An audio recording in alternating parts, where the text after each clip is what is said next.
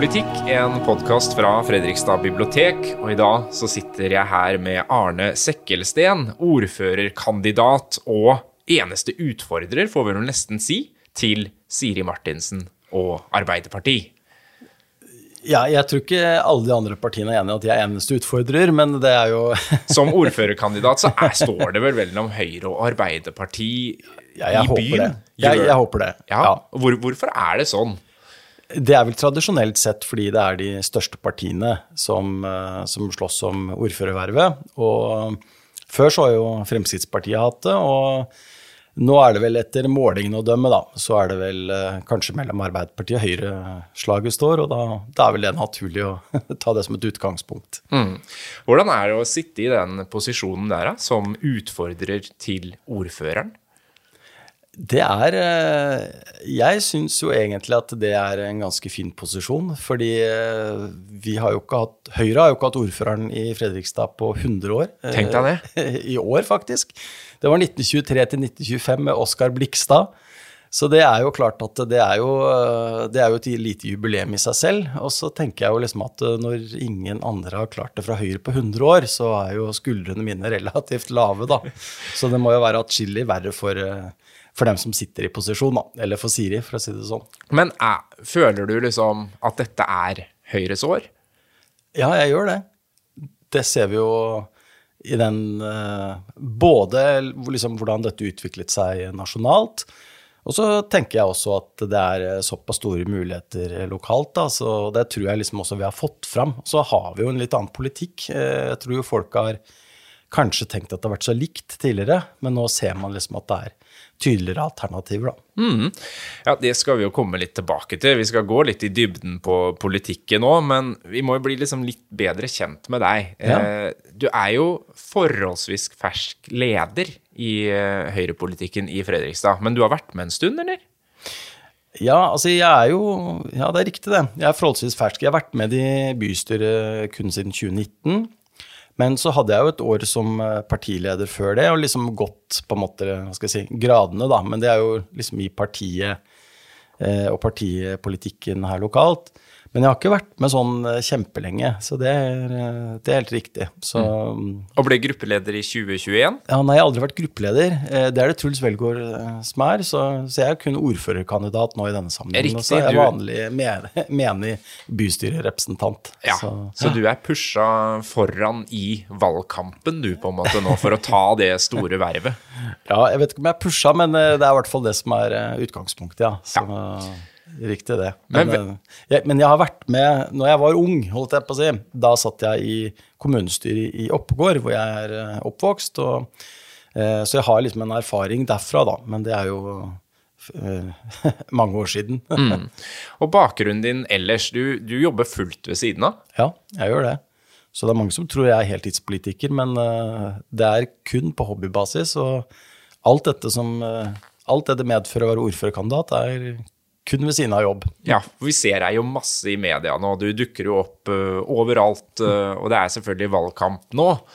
Men, men du er altså advokat uh, egentlig? Ja, stemmer det. Ja. Så jeg driver egen praksis. Ja. Og så har du da tatt med deg litt av noen litterære verk, må vi kunne si. Du sendte over Jeg spurte hva skal vi preke om av bøker, ja. og da skrev du Snorre Sturlason. Ja, jeg, jeg, må jo le litt, da, fordi at eh, jeg liksom Jeg tar meg selv i å være litt smal på bokfronten, egentlig. Jeg leser i all hovedsak mye sånne politiske biografier.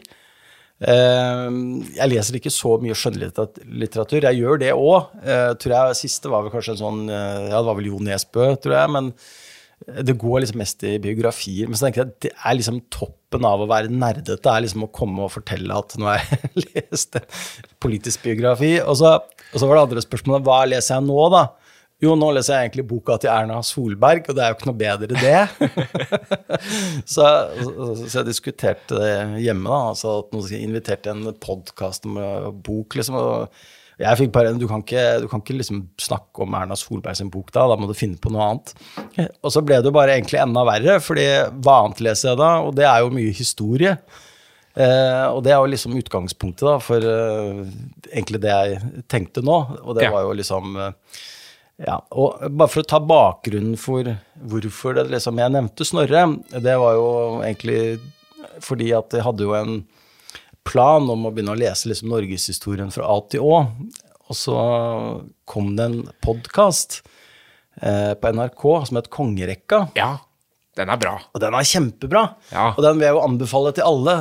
Og så begynte jeg å høre på den. Og så fikk jeg jo litt sånn øh, Hva skal jeg si jeg vokste liksom interessen litt opp igjen. da, vet du, og Det her er jo kjempespennende.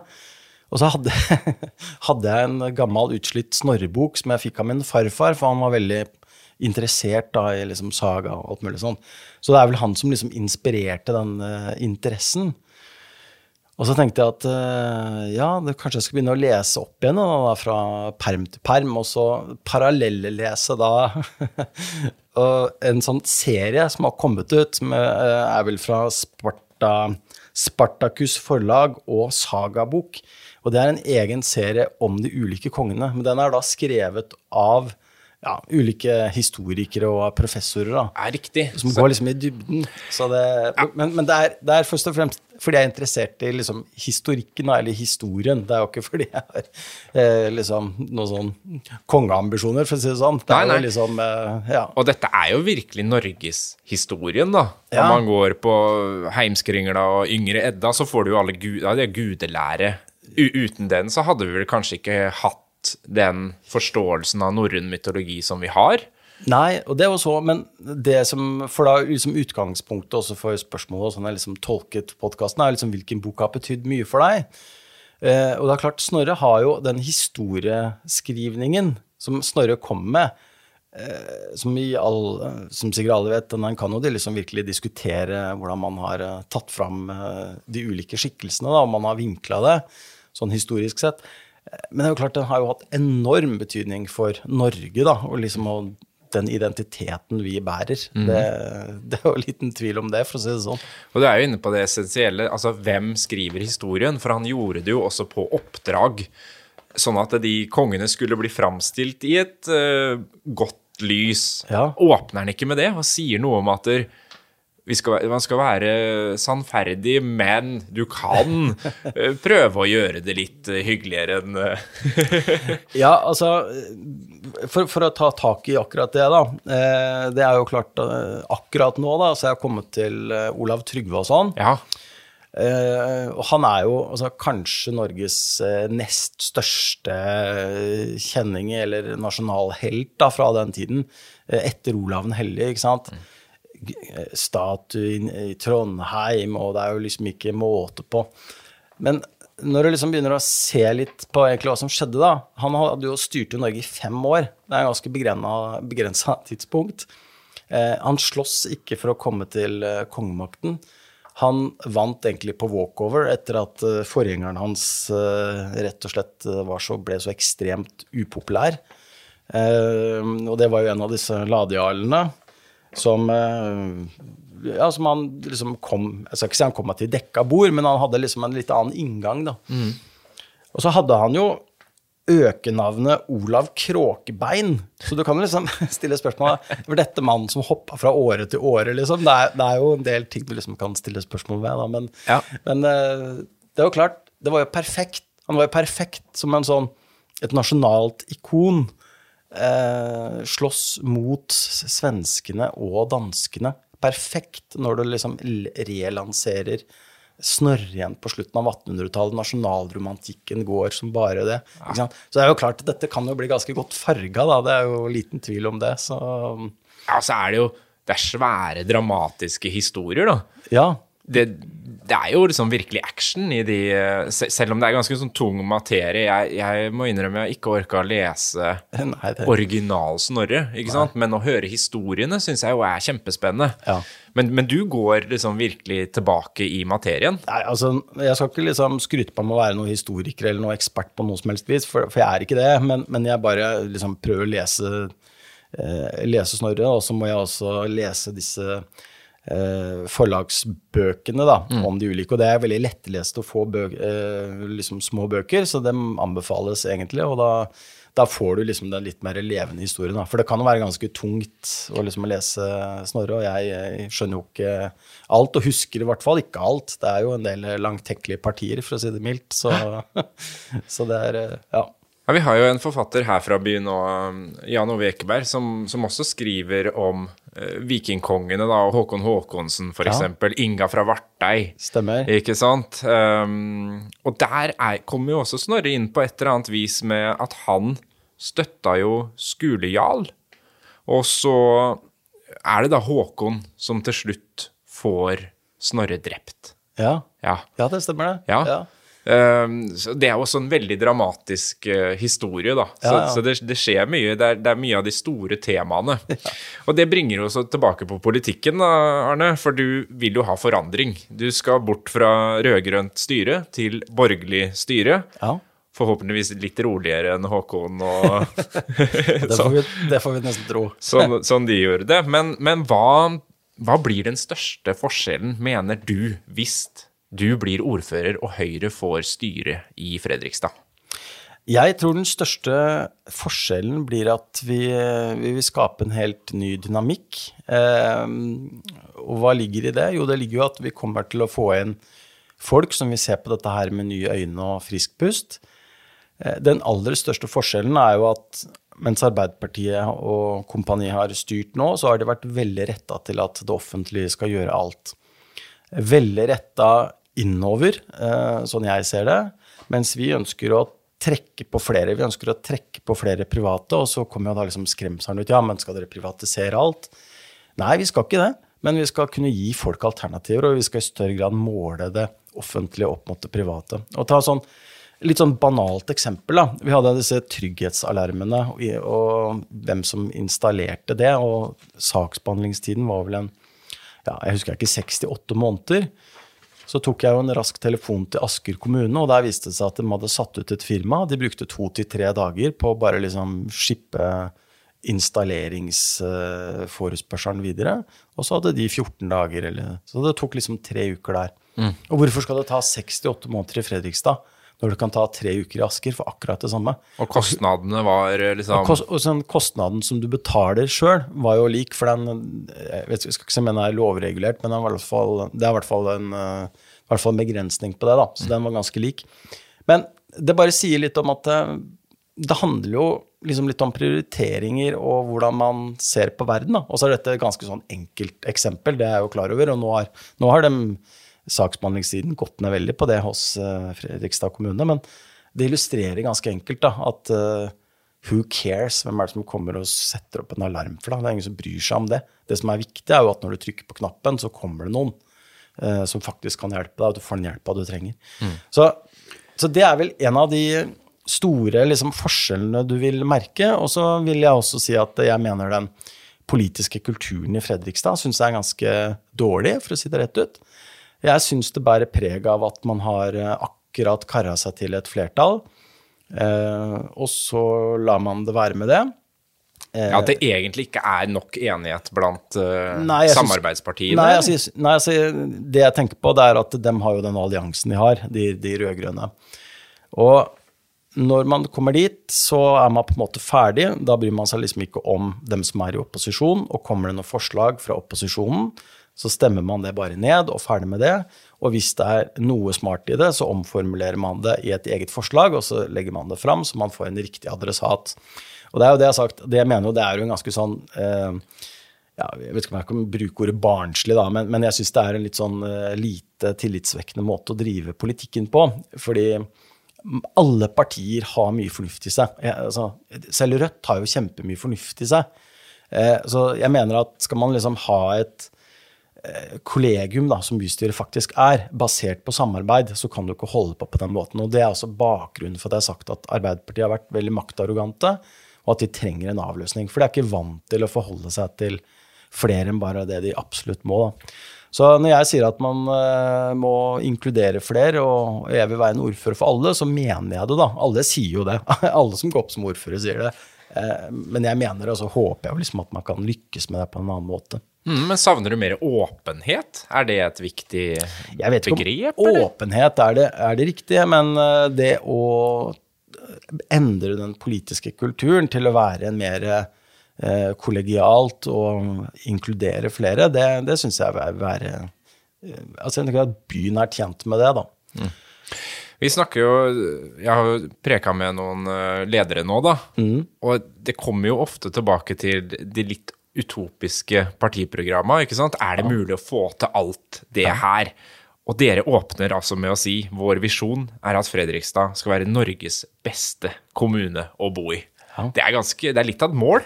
Ja, det er hårete. Ja. Jeg er enig i det. Ja. Så og, og, da er det, For å få til det, da, så har dere jo liksom noen kjernesaker. Ja. Og da er det det store skoleløftet, tenkte jeg vi må begynne med. Det er en hjertesak for, for Høyre. Absolutt. Ja.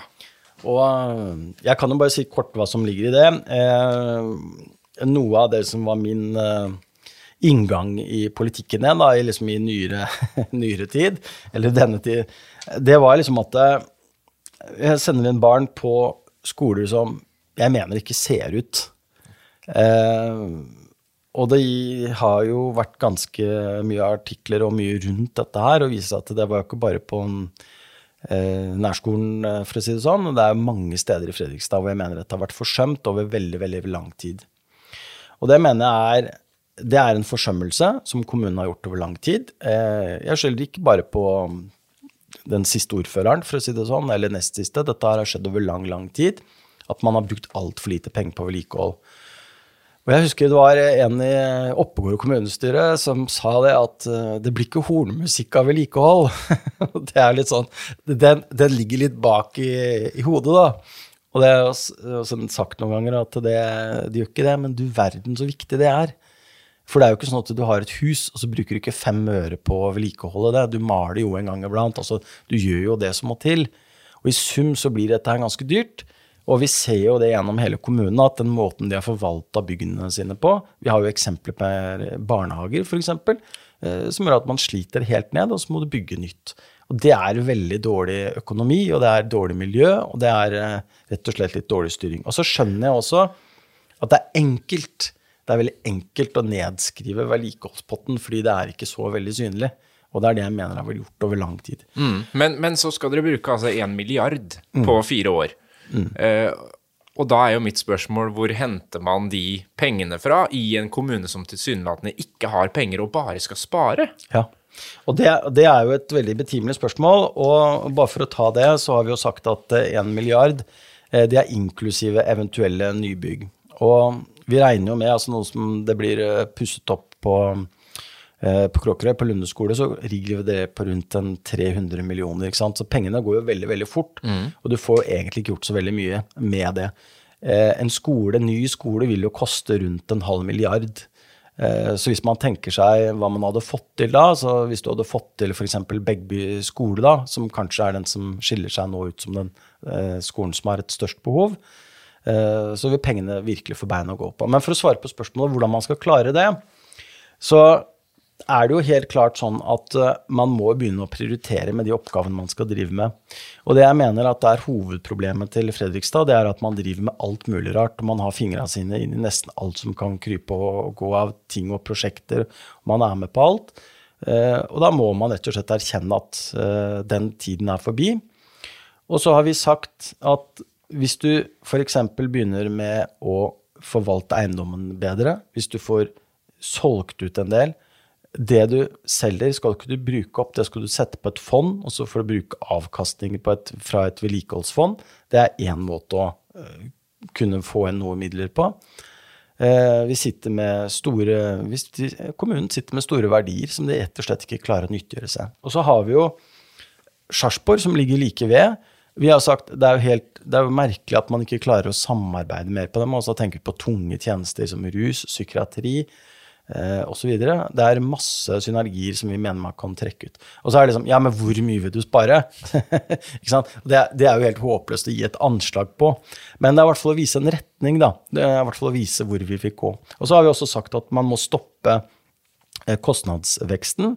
Det som er jo to tredjedeler av budsjettet til Fredrikstad kommune, er jo lønn. Så det er jo klart at, eh, Og der har det jo vært en del debatt i, i forkant. Eh, hvor vi da har sagt at man må i hvert fall få ned noe av eh, den lønnsveksten som er. Og så er ikke det sånn, eh, så mange hevder at ja, da har vi Høyre si opp noen osv. Det er ikke det det går på. Nei, for det har jo blitt en, en greie at da, da blir ja. det enten ansettelsesstopp i kommunen, eller man slutter ja. å, å, ansette nye, da. Ja, og det, og det, mener jeg er litt sånn, det blir en litt sånn tåpelig debatt. For alle skjønner jo det at hvis du slutter en lærer, så må du erstatte læreren. Eh, men så er det også sånn at eh, når du har en kommune med 5000 ansatte og 6500 årsverk ish, man, helt, man, vet ikke helt eksakt hvor mye det er, så vet man også at det er alltid en naturlig turnover. altså Det er alltid noen som slutter, det er noen som blir pensjonert osv. Så, det er jo klart at det er bare å ikke ansette en del nye, eh, bruke de man har, det vil jo også gjøre at man vil kunne spare en del eh, på det. Men det er jo viktig for meg å si det at eh, det her handler jo bare om å ikke Altså Man vet jo ikke hvordan verden vil se ut om fire år. Sannsynligvis vil man få en eh, masse økt etterspørsel etter mye tjenester. Så det er jo ikke sånn hugd i stein at vi vet hvordan dette vil se ut om fire år, men vi sier at man må i hvert fall redusere tempoet på kostnadene. Og det er jo helt avgjørende. Og Så kan jeg jo ta en siste ting, og det er jo Det kommer du sikkert innom også, men eh, det går jo en del på sånn som eh, når man diskuterer Arena Fredrikstad, da, og 835 millioner kroner. Dette skal kommunen ta. Nå kan man bare stille seg hva utgjør 1 prosentpoeng i økt rente. Jo, det er vel en rundt en 30 eh, Ut ifra det Nå skal jeg være litt forsiktig med tallene her, da. Men Du får ta det med en klype med salt. Men det jeg mener å huske, da, det er at ut ifra dagens uh, låneportefølje så vil en økning med 1% tilsvare en 30-40 millioner kroner i økte renteutgifter. Um, så det er jo klart at det, det koster jo også å ha mye gjeld. Og så tror jo ikke jeg at vi vil få gjelda ned så veldig mye, for vi har mange store uløste oppgaver. Men da er det i hvert fall enda mer påkrevet at vi bruker dette riktig. Mm.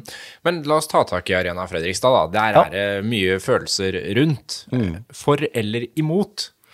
Ja, Vi har jo sagt at eh, vi er jo for Arena Fredrikstad, og vi vil også bygge det. Men det, det er jo noe med disse kostnadene, da. Og vi har jo også sagt at vi må få med noen private på banen. fordi Fredrikstad kommune kan ikke eie og drive dette her alene.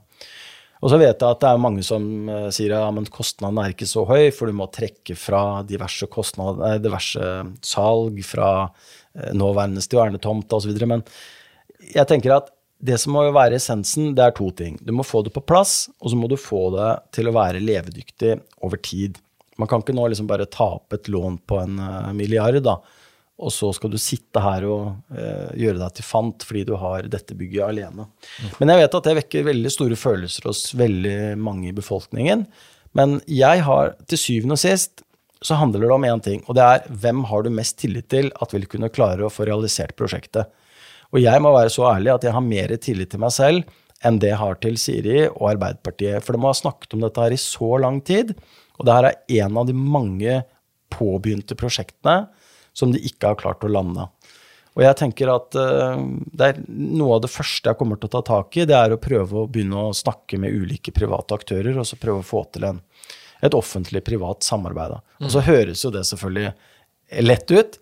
Hvor, er, hvor, enkelt er det i praksis? Jeg vet ikke, men jeg skal i hvert fall gå opp den løypa på en helt annen måte enn det som er gjort tidligere. Men er det ikke litt enighet nå at man kan kanskje gå inn med 300 millioner, og så er man avhengig av andre støttespillere? Private, ja, altså, eller, eller, tar jeg feil? Nei, altså De andre har jo sagt at dette skal bygges uh, tilnærma koste hva det koste vil. Og vi har sagt at uh, vi også ønsker at det skal bygges, men du kan ikke bygge deg ut av uh, Hva skal jeg si Du, må sette et tak, og da har vi satt et tak på 300 millioner.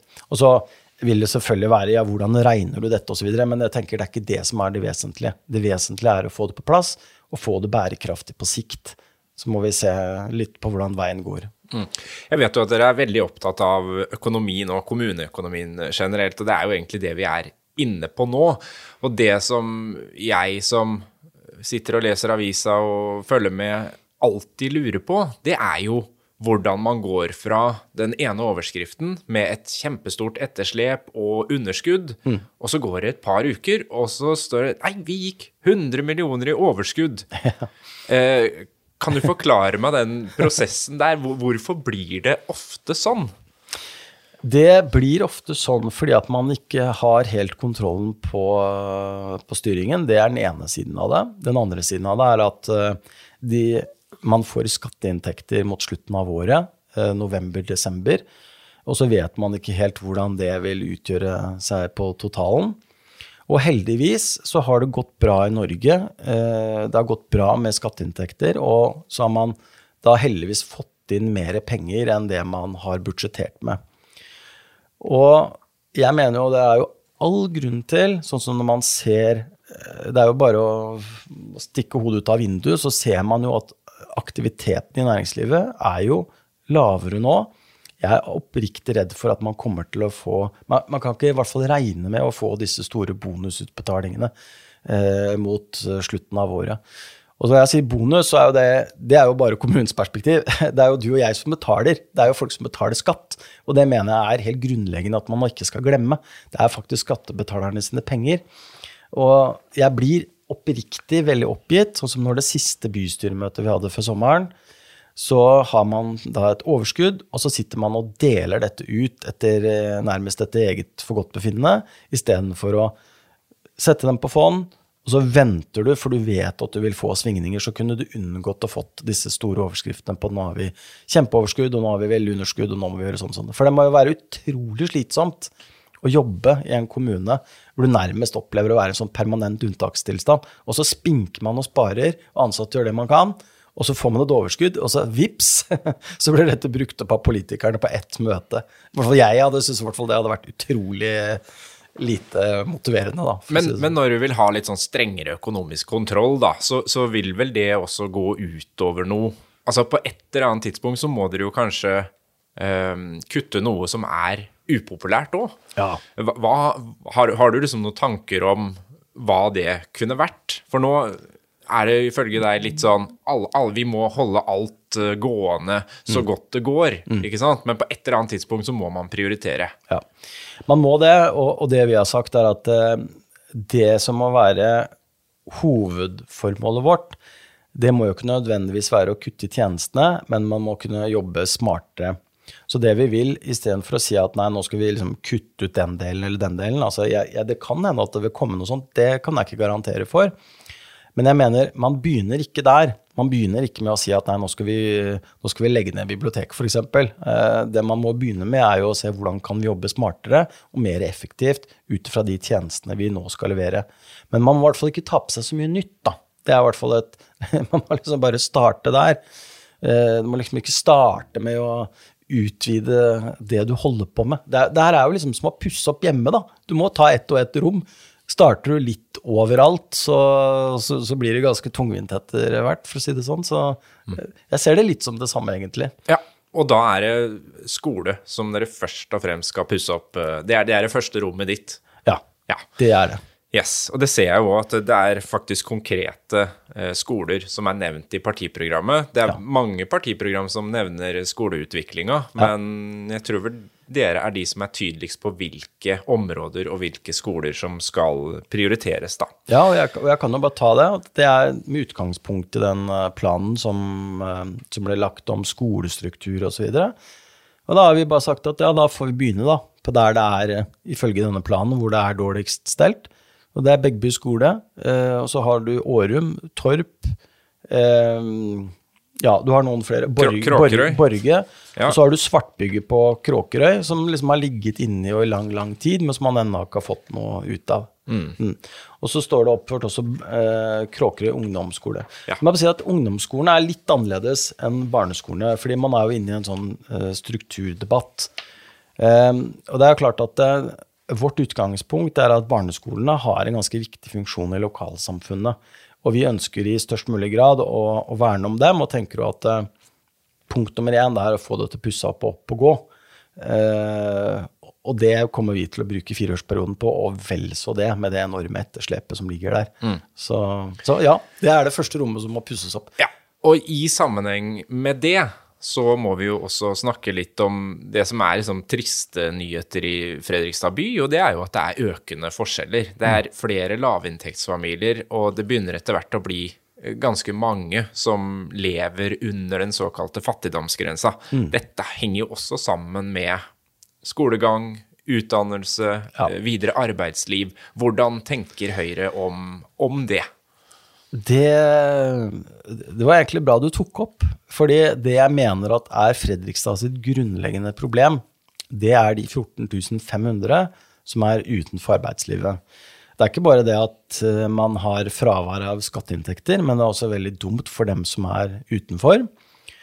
Og da er jo det store, Men dette er jo en enormt tung materie eh, å begynne på. Og da kommer man jo til neste spørsmål. Hva, hvis du skal endre dette her, hva skal man gjøre da? Og da er i hvert fall vår tanke at det må du se i et generasjonsperspektiv. Og da må du begynne med barna. Og da kan du ikke liksom ha skoler som ikke ser ut, og så forteller du at ja, det viktigste dere skal drive med nå, det viktigste for deg, det er skolen. Og så leverer du eh, skolebygg som ikke ser ut, da. Det har noe med signaleffekten. Og det er egentlig kjernen i dette her, at jeg mener jobb, utdanning, det er den viktigste veien ut av den, altså forskjellene.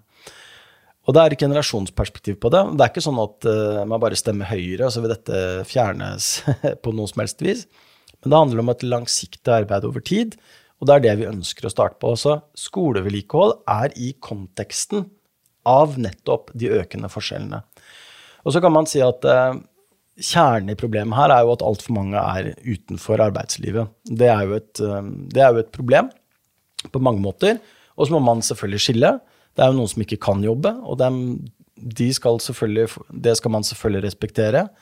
Og så er det noen som ikke kan jobbe av ulike årsaker. Det kan være at det ikke er tilrettelagt. Det er masse tanker og strategier rundt det fra Høyre sentralt, men det er en del som er litt vanskeligere å gjøre her lokalt. Men eksempler på det da, det er jo f.eks. økende grad av lønnstilskudd til arbeidsgivere, som kanskje kunne tatt inn personer som ikke kan jobbe 100% men som har ulike problemer osv. Og så er det noen som ikke vil jobbe. Eh, og det er ofte de som blir hengt ut, da. Eh, det som er et problem, mener jeg, det er at vi har altfor mange unge som er ute av jobb. Det er altfor mange unge som har psykiske problemer. Og spørsmålet hvordan man skal kunne klare å rydde opp i alt dette her, det er jo liksom hodepinen til samtlige politikere. Mm. Eh, og jeg har ikke noe quick fix på det, men jeg mener i hvert fall at det helt åpenbart så må det være sånn at uh, næringslivet må fungere, og det er det aller, aller viktigste for å egentlig komme disse forskjellene til livs. Mm. Men det er en stor oppgave. Men er det et dilemma, uh, hvis jeg skal stille meg liksom på den andre sida litt, da? Er det et dilemma at man er så åpen for det private næringsliv i Høyre? Altså det at man kan uh, virkelig lykkes sjøl, ikke sant. Og så Det gjør jo at forskjellene øker. Eller skaper det flere arbeidsplasser? Er det det du tenker? Jeg tenker at uh, jo flere som lykkes, jo flere vil jo også skape arbeidsplasser, og det er bra for alle. Og det er jo tross alt Jeg tenker at veldig ofte så handler debatten om de 5% som er liksom helt på topp og skal flytte til Sveits og ha masse millioner, og det er liksom det er sånn fjernt, da. De får, de, får, mye oppmerksomhet nå. Ja, de får nå, veldig mye oppmerksomhet. Og så får de mye oppmerksomhet, og så får de mye oppmerksomhet de som ikke har noen ting og ikke har mulighet til å jobbe, og det er liksom bare sorg og elendighet. Men hva med liksom hva med den store mainstream? Hva med de 80% Hva med de som faktisk går på jobb, de som har lyst til å utvikle en bedrift? Det er jo der den aller, aller største delen av verdiskapningen skjer. Og det er det jeg mener at Debattene blir ofte så polarisert mellom på en måte topp og bånn at man i veldig stor grad glemmer at det er jo faktisk næringslivet, det er jo de små firmaene, det er jo det de sliter med. Det er jo det som vil skape ringvirkningene og skatteeffektene i Norge. Og det er det jeg mener. at det er liksom, Den største gruppen er på en måte jeg skal ikke si glemt, men den blir i hvert fall veldig lite snakket om. da. Og det syns jeg er litt sånn underlig. Men det er kanskje at debattene blir litt sånn polarisert. da. Men jeg er helt overbevist om det, at hvis du kan få heie på folk, eh, hvis man kan si at det må være fint å lykkes, eh, det skaper arbeidsplasser og genererer positive effekter. Mm. Inne på det generasjonsperspektivet som du snakker om, så må vi også komme inn på dette med hvem, hvem skal bo i denne byen. Ja. Nå bygges det veldig mye spennende, flotte boligprosjekter, Ja. men det er ganske dyrt å bo der. på verkstedet på Cicignon. Det, er- det blir flotte nye leiligheter. Og det er en del tilflytning fra pensjonister kanskje i Oslo, og, og folk som har lyst til å trappe ned i denne fantastiske byen. Ja. Men hva betyr det for byen vår og liksom arbeidsplasser, altså at de som bor her, jobber her? Nei, jeg tenker jo det er jo Det henger jo litt sammen, da, med det jeg nevnte i stad, om at næringslivet de må jo få lov til å man må jo få lov til å jobbe her. Vi kan jo ikke liksom tenke at alle skal sitte på toget til Oslo. Det beste er jo at man er her. Og for å svare på spørsmålet om bolig og boligutvikling, så ja, det koster jo, og det blir jo dyrt å komme seg inn, i hvert fall som førstegangskjøper. Men desto enda viktigere er det også å legge til rette for da, at man kan ha sånn eh, type ulike modeller, sånn som Obos har, altså deleie, deleie, flere kan eie leilighet osv. Og det er jo det som vi har omtalt som sosial boligutbygging. Og vi har jo hatt flere interpellasjoner, som det heter, eller forslag i bystyret som går nettopp på det, og sier at eh, man, alle snakker om det, men noen ganger så må du faktisk si fra da, at skal du bygge dette prosjektet her, så forventer vi at så og så mange prosent er f.eks. øremerka til ungdom. Eh, at så og så mange prosent kan gjøres til såkalt sosial boligutbygging osv. Men det er bare en liten bit av hele boligmarkedsproblematikken. Det aller, aller viktigste, tror jeg, det er å være åpen på at eh, mange studerer, er utenbys, og så kommer man hjem tilbake igjen til Fredrikstad. Og det jeg tenker er viktig da, det er å være åpen på og forstå at da kommer du ikke nødvendigvis for å ville bo i en blokk midt i byen. Eh, For da har du veldig mange andre steder du kan gjøre det. Det er fint hvis Noen gjør det sikkert, og det er helt fint. Men de aller, aller fleste, da, for å ta litt sånn meg sjøl som eksempel, når jeg kom i 2011, da flytta vi fra Torshov i Oslo med stellebord i stua og ett barn. Og? Hva er vi opptatt av da? Jo, skole, eh, barnehage, hvor langt er det til sentrum, hvor fint er det rundt her? Og Fredrikstad er jo helt fantastisk. Så det er jo li- liksom tenke da generasjonsperspektivet og tenke at ja, alle kommer ikke hit for å bo i sentrum. Man kommer faktisk for å bo litt utenfor og ha gode, det som på fint kalles kval bokvaliteter. da. Mm. Men det har jo endra seg litt. Jeg flytta jo tilbake da, fra Ja. Trondheim etter studietida i 2012. Og da hadde jeg råd til å kjøpe meg et bitte lite hus på Trosvik. Ja. Ikke sant? For eh, rundt en million. Men det huset koster jo to og en halv i dag. ja. Så, så det er jo ikke sjans til å etablere seg på samme måten. Og det var jo liksom min inngang. Men, Mm. men den muligheten, hvordan, hvordan gjør man det for at det skal være levelig for studenter eller nyetablerte å bo i Fredrikstad? Nei, altså jeg har ikke noe godt svar på det, jeg. Og det er jo klart at dette her er jo problemet med den boligprisutviklingen, for å si det forsiktig. Og det, det de si, ekspertene sier, da, det er jo at man må jo ha, sørge for at man har nok boliger. Det er jo liksom punkt nummer én. Og punkt nummer to, det er jo at eh, man må jo ha boliger som, eh, som er rimeligere. Og hvordan bygger man rimeligere boliger? Og da kommer vi til et annet punkt i vårt program, da. Og det er jo å gjøre regelverket enklere. Fordi det er klart at når du legger på masse ulike spesifikasjoner, du legger på eh, at her er det ikke lov med gateparkering, f.eks., hver bolig må ha garasje, eh, du må ha en kjeller osv. Da er det jo masse sånne spesifikasjoner som gjør at det blir dyrere å bygge boligene. Det vil ha eh, fortgang i administrasjonen. Ja, det også, men, men det går og En ting er fortgangen, men en annen ting er detaljeringsgraden og alt som må være med. Og spørsmålet er, er må, må alt være med overalt? Det er jo liksom spørsmålet. Dette ble jo tatt opp fra verkstedet, blant annet, som påpekte det at disse garasjebestemmelsene, eller disse parkeringsbestemmelsene, tilsa jo at man kunne legge på en rundt en halv million per eh, leilighet. Sånn jeg husker at han Ja. fortalte da. Og det er, jo, det er jo noen år siden vi på en måte hørte om at det, det kommer et boligprosjekt på verkstedet og Ja. på Cicignon, Ja. og det har på en måte egentlig akkurat så vidt kommet i gang. Ja, ja. Så det går jo, det går jo ikke så fort. Det, det kan man jo være enig om. Men eh, nei da, men eh, liksom svaret på spørsmålet er at eh, vi har ikke noe, vi noe quick fix på det. Jeg tror jo det at du vil jo heller se en økning i boligprisene fremover. Og det er ikke noe sånn man får gjort sånn umiddelbart med det som politiker, men du kan kanskje klare å begrense prisøkningen noe, da, ved form av raskere saksbehandling, færre krav osv. Men til syvende og sist så er det tilbud og etterspørsel, og det er, eh, det er sånn det er. Og så skal jo dere kutte eiendomsskatten, så da blir det billigere å bo. Ja. Men, men hvor skal dere hente de penga som da ikke kommer inn fra? Ja, altså det er jo en del av eh, liksom det vi var innom i stad, da. På å gjøre ting smartere for kommunen og bruke mindre penger. Eh, og nå tar vi vel rundt en, ja, mellom 300 og 350 millioner kroner i eiendomsskatt. Eh, Som er en ganske betydelig sum. Og vi har jo blitt veldig utfordret på det. Jeg kan dere ikke love at man skal fjerne eiendomsskatten i løpet av neste fireårsperiode. Men da har i hvert fall jeg sagt at det er viktig for oss å være realistisk på hvor mye man kan trappe det ned. Men vi skal i hvert fall ikke øke den. Det skal vi i hvert fall være en eh, garantist for. Eh, og så har ikke jeg turt å si at vi, den blir null, bare du stemmer på Høyre. Om fire år så er den null. For det Ja. Det, det jeg, Vi må se det an, rett og slett. Men igjen, vi peker på en retning, da.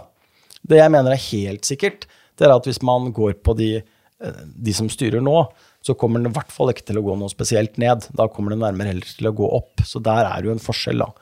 Så, og det mener jeg er jo sånn Folk sliter jo nå nok som det er, eh, med høye strømregninger, du får bompenger. Nå vil vi jo få flere bompenger eh, rundt her, ikke sant? Eller bompenger, bomringer. Eh, så folk sliter nok som boliglån, matvarepriser Ikke sant, you name it. litt av en tid vi lever i nå. Ja, det er voldsomt. Og da må jo i hvert fall vi politikere gjøre vårt, da. For ikke å gjøre det verre for folk enn det, som, enn det det allerede er.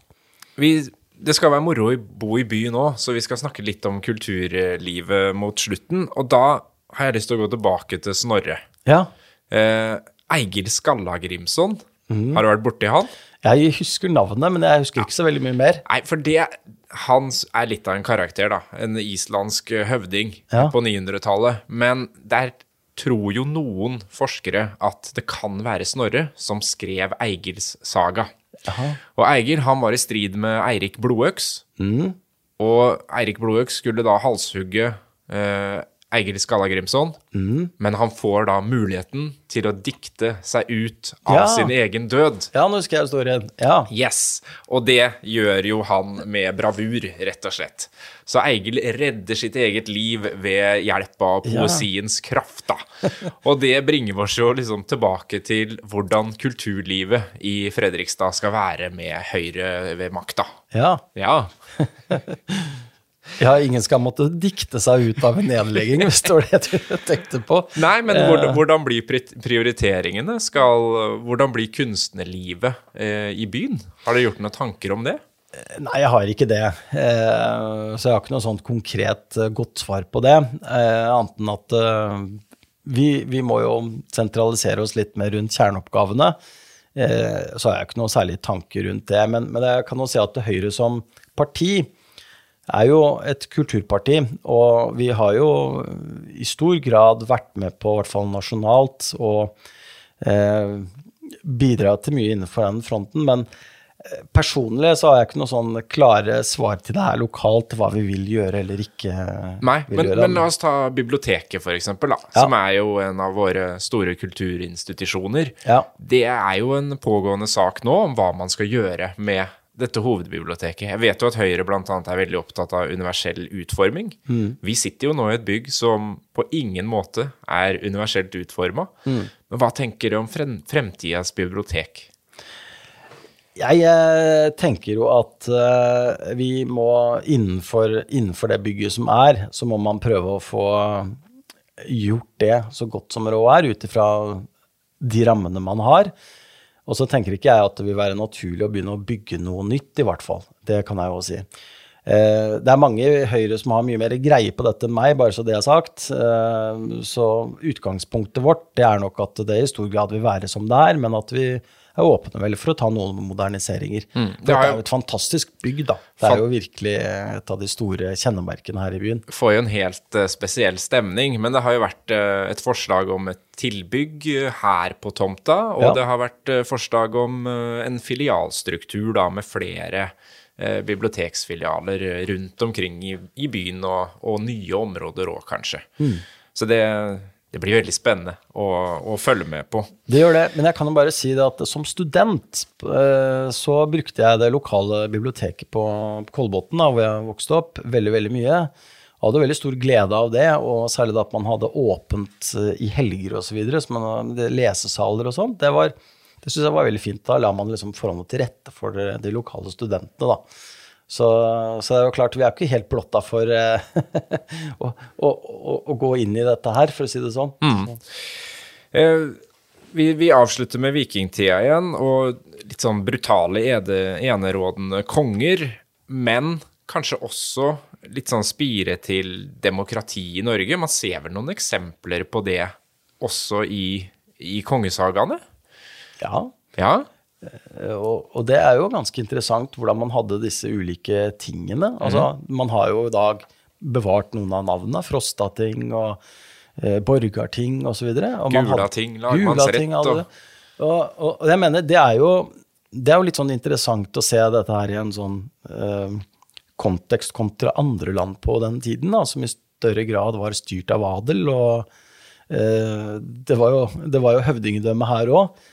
Men man hadde jo en tradisjon allerede da for å høre med uh, de, fremmad, si, de, de, fremste mennene på hva man mente og hadde disse tingene. Og dette med konfliktløsningen, hvor man da kunne bringe saker inn på tingene, det, jeg skal ikke si det var unikt for Norge sin del, men det er jo definitivt noe vi har hatt med oss, og du kunne se ganske tydelige spor av den dag i dag. Og så var det, nå husker jeg ikke hvilke konge det var, men dette her med holmgang, husker du det? Ja det at man kunne ta med noen ut på Kunne komme hjem fra et vikingtokt. så kunne du utfordre lokale bonden og si at nå skal jeg ta Eller du skal ikke ta det, da, men du skal slåss om å få overta denne gården. Mm. Med koner og, og treller og det som var. Og så møtes du ute, og så slåss man. Og så vinner da naturligvis krigeren, og så kommer han tilbake og overtar dette her. Det var jo et kjempeproblem eh, for Norge og Norges utvikling, fordi at du tok da bøndene og de som kunne dyrke jorda. Men ved å da endre på dette her, så fikk man noen helt annen dynamikk. Eh, både lovgivningen og ved at da man også unngikk dette her for alle disse bøndene. Og så da fikk man jo opp produksjonen av mat igjen. Det er klart, det hadde en kjempestor betydning. og det er jo en høyresak nå, er det ikke det? Å bevare matjorda rundt ja, området her? Det, det, har jo i hvert fall en historisk kontekst, for å si det sånn. Og så skal det sies at det er noe man må, man må, være noe restriktiv, og det ligger litt i det å være konservativ, men så skal man jo ikke Det er aldri hugget helt i stein heller, da. Noe, noe fleksibilitet må man ha, men det er i hvert fall vårt utgangspunkt, ja, å være litt konservativ rundt det. Mm. Mm. Da skal jeg ønske deg lykke til med valgkampen, Arne. Tusen takk for det. Produsert av Fredrikstad bibliotek.